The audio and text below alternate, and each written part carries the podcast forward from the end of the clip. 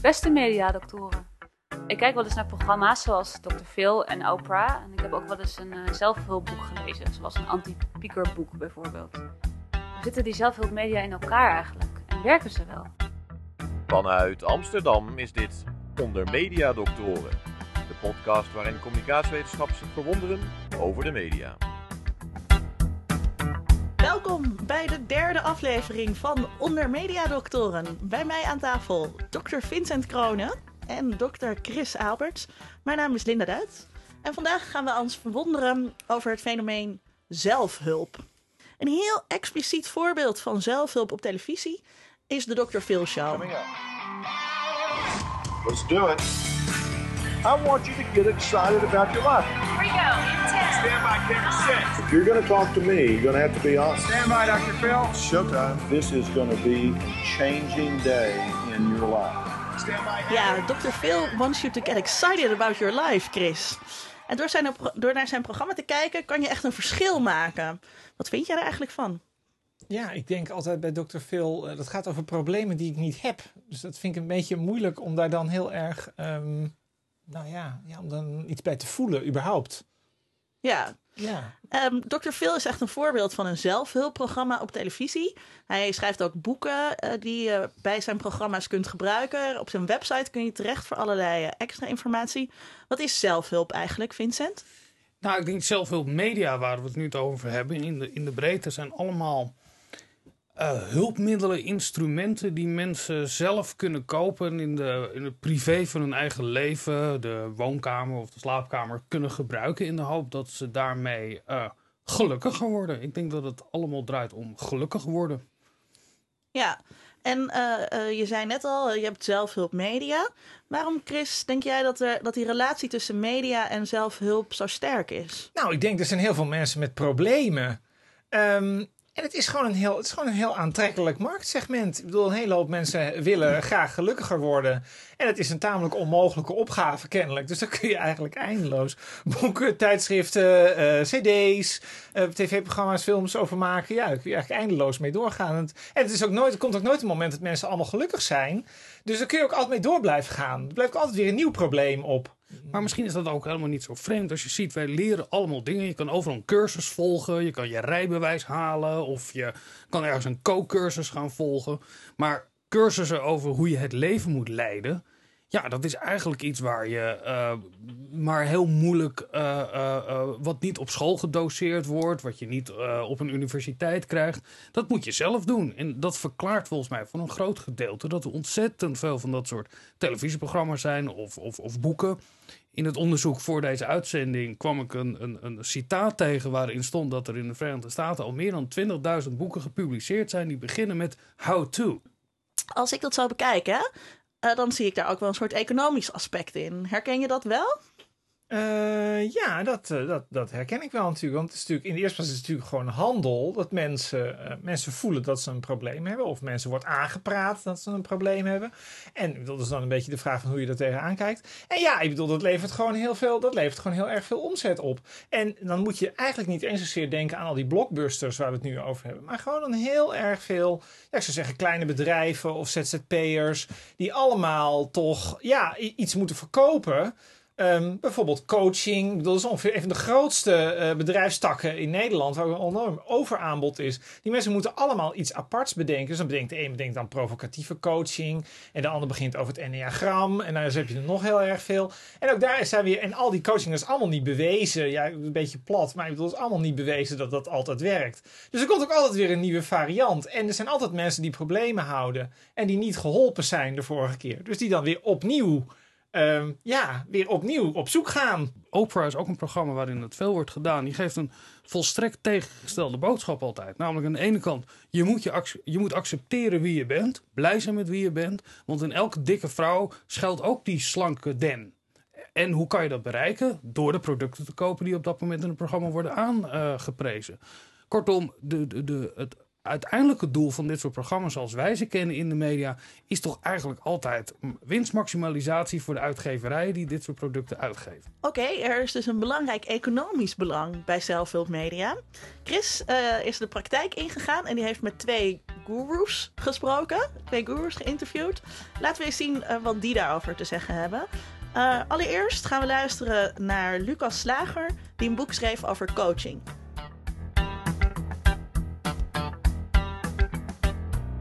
Coaching zoals het gebruikt wordt in het bedrijfsleven is vooral vanuit het bedrijf. Het gaat nooit over, over de mens zelf. En uh, ja, dat was mijn, uh, misschien wel mijn frustratie, dat ik dacht, ja, maar zo gaat het helemaal niet goed. Van we doen weer alles vanuit het bedrijfsbelang en we kijken nooit naar de mens zelf. En uit die filosofie is eigenlijk de gedachte gekomen om eens een soort zelfhulpboek te schrijven over wat coaching en mijn visie dan is. En dan was in mijn visie uit coaching op het ontplooien van de mens in totaliteit. Zonder dat daar een bedrijfsbelang of een commercieel belang of een economisch belang achter zit. Mijn uh, idee van coaching en begeleiding van mensen was, ik zit bij iemand naast zijn bureau op de prullenbak. En ga een gesprek met hem aan. Wie ben je, wat doe je, wat vind je leuk, uh, wat kan er volgens jou beter. En zo kalm aan ontstaat er dan een soort verbinding. En dan durven mensen vrij te zeggen wat ze vinden en wat ze, uh, wat ze kunnen, wat ze denken. En als je dan een stukje ruimte geeft om dat ook in de praktijk weer toe te passen dan denken ze, hé, hey, uh, ik kan wat. En zo kalm aan ga je dan daar wat mee spelen en wat dingen bedenken. Om te kijken hoe, haal je mensen, hoe lok je mensen uit een tent. Hoe breng je ze dichter bij zichzelf. Hoe geef je ze meer zelfvertrouwen. Uh, ik zou misschien best veel meer verkochte boeken kunnen schrijven. Maar dan moet ik ontzettend concessies doen aan een visie en aan een uitgangspunt. Dat doe ik dus niet. Dus voor mij is kwaliteit en voor mezelf een stuk vervulling, bevrediging is belangrijk. Dus als ik zie dat er mensen hier uh, daadwerkelijk stappen mee kunnen zetten en een stukje verder zijn gekomen, dan is bij wijze van spreken één succes is, uh, is voldoende om te zeggen het was goed. Naast coaching zijn er nog allerlei andere factoren van je leven die je kunt uh, verbe verbeteren. Bijvoorbeeld hoe je eruit ziet. Bea Pols schreef een boek over persoonlijke groei en afvallen. Ik heb het in eerste instantie als handleiding geschreven voor mijn cliënten en cursisten. En daarnaast ook, uh, omdat er niet zo heel veel boeken op dat moment waren, die gingen over iets meer dan alleen maar een dieet. Je kan niet heel generaliserend zeggen, iedereen met overgewicht heeft een trauma en moet dit trauma verwerken om te kunnen afvallen, want dat is niet zo. Er zijn natuurlijk ook zat mensen die maar een heel klein duwtje nodig hebben en van daaruit is een boek een hele goede opsteken. Het is niet mijn hoofdmoot, daar, daar richt ik niet mijn bedrijf op. Mijn bedrijf richt ik op de mensen die meer begeleiding nodig hebben en die ik dan ook bied. Ik daag mensen uit om dingen te lezen, om dingen te onderzoeken. In plaats van dat ik uh, een, een heel commercieel uitziend boek heb gemaakt in de hoop een bestseller te worden uh, voor nu daar heel veel geld mee te verdienen en volgend jaar uh, niet meer bekend te zijn. Chris, jij hebt deze twee mensen geïnterviewd. Wat is je bijgebleven? Um, nou, dat het een soort rare, dat dat zelfhelp, uh, dat die zelfhulpmedia een soort mix zijn tussen aan de ene kant een economisch belang. Want ze hebben natuurlijk allebei, die, de, de coach die we hoorden, die, die geeft cursussen. Daar wordt dat boek ook bij uitgereikt. Uh, die Bea Pols, die heeft, uh, die heeft gewoon een die is gewichtsconsulent. Dus die heeft gewoon allerlei mensen aan haar tafel zitten die gewichtsproblemen hebben. En voor sommige mensen, uh, die komen bij haar, die hebben een heel ernstig probleem. En die gaan dan, hè, die gaan dan met, haar, met dat boek ook aan de slag. En andere mensen kopen het boek alleen, die ziet zij dan verder nooit en die hebben dan een kleiner probleem. Dus dat, dat is eigenlijk heel erg economisch. Je zou kunnen zeggen, het is een soort verlengde van je eigen marketing. En aan de andere kant zit er ook wel een soort idealisme in. Ze, hebben allebei een, uh, ze willen allebei een verhaal vertellen. En ze zijn er ja, of ze er nou helemaal van overtuigd zijn dat dat helemaal werkt voor iedereen, dat, dat durf ik niet te zeggen. Maar um, ze geloven wel dat dat mensen kan helpen en ze willen dat graag verspreiden. Wat mij erg opvalt uh, hierbij ook, is um, uh, de crossmedialiteit. Eigenlijk altijd gaat het om een boek in combinatie met gewone lessen die je kunt afnemen. Uh, misschien ook nog een audioplan dat daarbij zit. Is dat een les uit zelfhulp? Ik denk dat uh, de zelfhulpmedia, de cassettebandjes, dat uh, zijn de eerste vormen geweest waarin audioboeken eigenlijk uit werden gebracht. Die met name succesvol waren bij zelfhulpmedia. Uh, inderdaad, de boeken, de televisieprogramma's. Ja, ik denk dat het vaak een soort mix is. Vaak opgehangen aan een bepaalde benadering, wat er een bepaalde term krijgt. Positief denken of mindfulness is nu erg in. Of eh, nou ja, Enneagram, daar hoor je heel veel. eh, noem ze allemaal maar op. En dan kan je daar inderdaad een, een volledige mediamix bij aanschaffen. Ja. Oké, zoals iedere aflevering zijn we ook benieuwd wat de wetenschap over dit onderwerp heeft te zeggen. En Vincent, jij hebt je daarin verdiept. Zeker. En eh, nou, er is wel het een en ander over bekend. Er is natuurlijk marktonderzoek gedaan over wat doen die zelfhulpmedia nou, hoeveel wordt daarmee verdiend. Dat is zo'n 11 miljard per jaar, bleek uit in 2008. En daaruit is ook onderzoek gekomen over wat eh, op zoek is naar de vraag: wat verklaart eigenlijk dat succes? En veel daarvan wordt aan de Amerikaanse samenleving opgehangen over de pursuit of happiness. Dat je zelf verantwoordelijk bent, individueel verantwoordelijk voor je eigen geluk. En dat je dus die media nodig hebt om dat te bereiken. In Europa worden die lijnen ook steeds meer gezien, om door het uiteenvallen van de sociale structuren. En vanuit de cultural studies wordt daar ook over geschreven dat het eigenlijk middelen zijn om onszelf te disciplineren, om betere consumenten te worden. Ehm, op meer op een pragmatisch niveau zijn er een paar dingen die je erover kan zeggen. Die Ad Bergsma heeft beschreven eh, in zijn artikel over Do Self Help Books Help. Namelijk eh, dat het goedkoop is, het is beschikbaar, het is iets wat je in je eigen omgeving, privacy. En het leidt ook tot enige opwinding dat je misschien bij een bepaalde groep hoort, hè, bij de mindfulness people. Ehm, de vraag wie lezen dan die boeken, dat zijn toch overwegend vrouwen. Uh, Psychologie Magazine in Nederland wordt door 73% door vrouwen gelezen, 23% voor mannen. Uh, met name mensen onder de 49 en zijn vooral hoger opgeleid. De vraag die Ad Bergsma zichzelf heeft gesteld is: van, levert dat nou wel wat op? Hè? Helpen die zelfhulpboeken? Nou, daarin verwijst hij naar een aantal punten als het gaat over bepaalde mythes uh, over psychologie. Wat helpt wel en wat niet. Nou, boeken die gaan over dat je je woede moet uiten, positief denken, het visualiseren van je eigen doelen of dat door zelfbevestiging je zelfvertrouwen krijgt. Dat helpt allemaal niet. Um, maar wat hij zegt, als we gaan kijken naar die zelfhulpboeken, zijn eigenlijk twee categorieën daarin aan te geven. Namelijk boeken die gaan om je problemen op te lossen. Bijvoorbeeld alcoholisme of stoppen met roken of uh, uh, dat soort aspecten. Uh, dat helpt. Daar is wel evidentie voor in het onderzoek dat het helpt. Boeken die gaan over persoonlijke groei.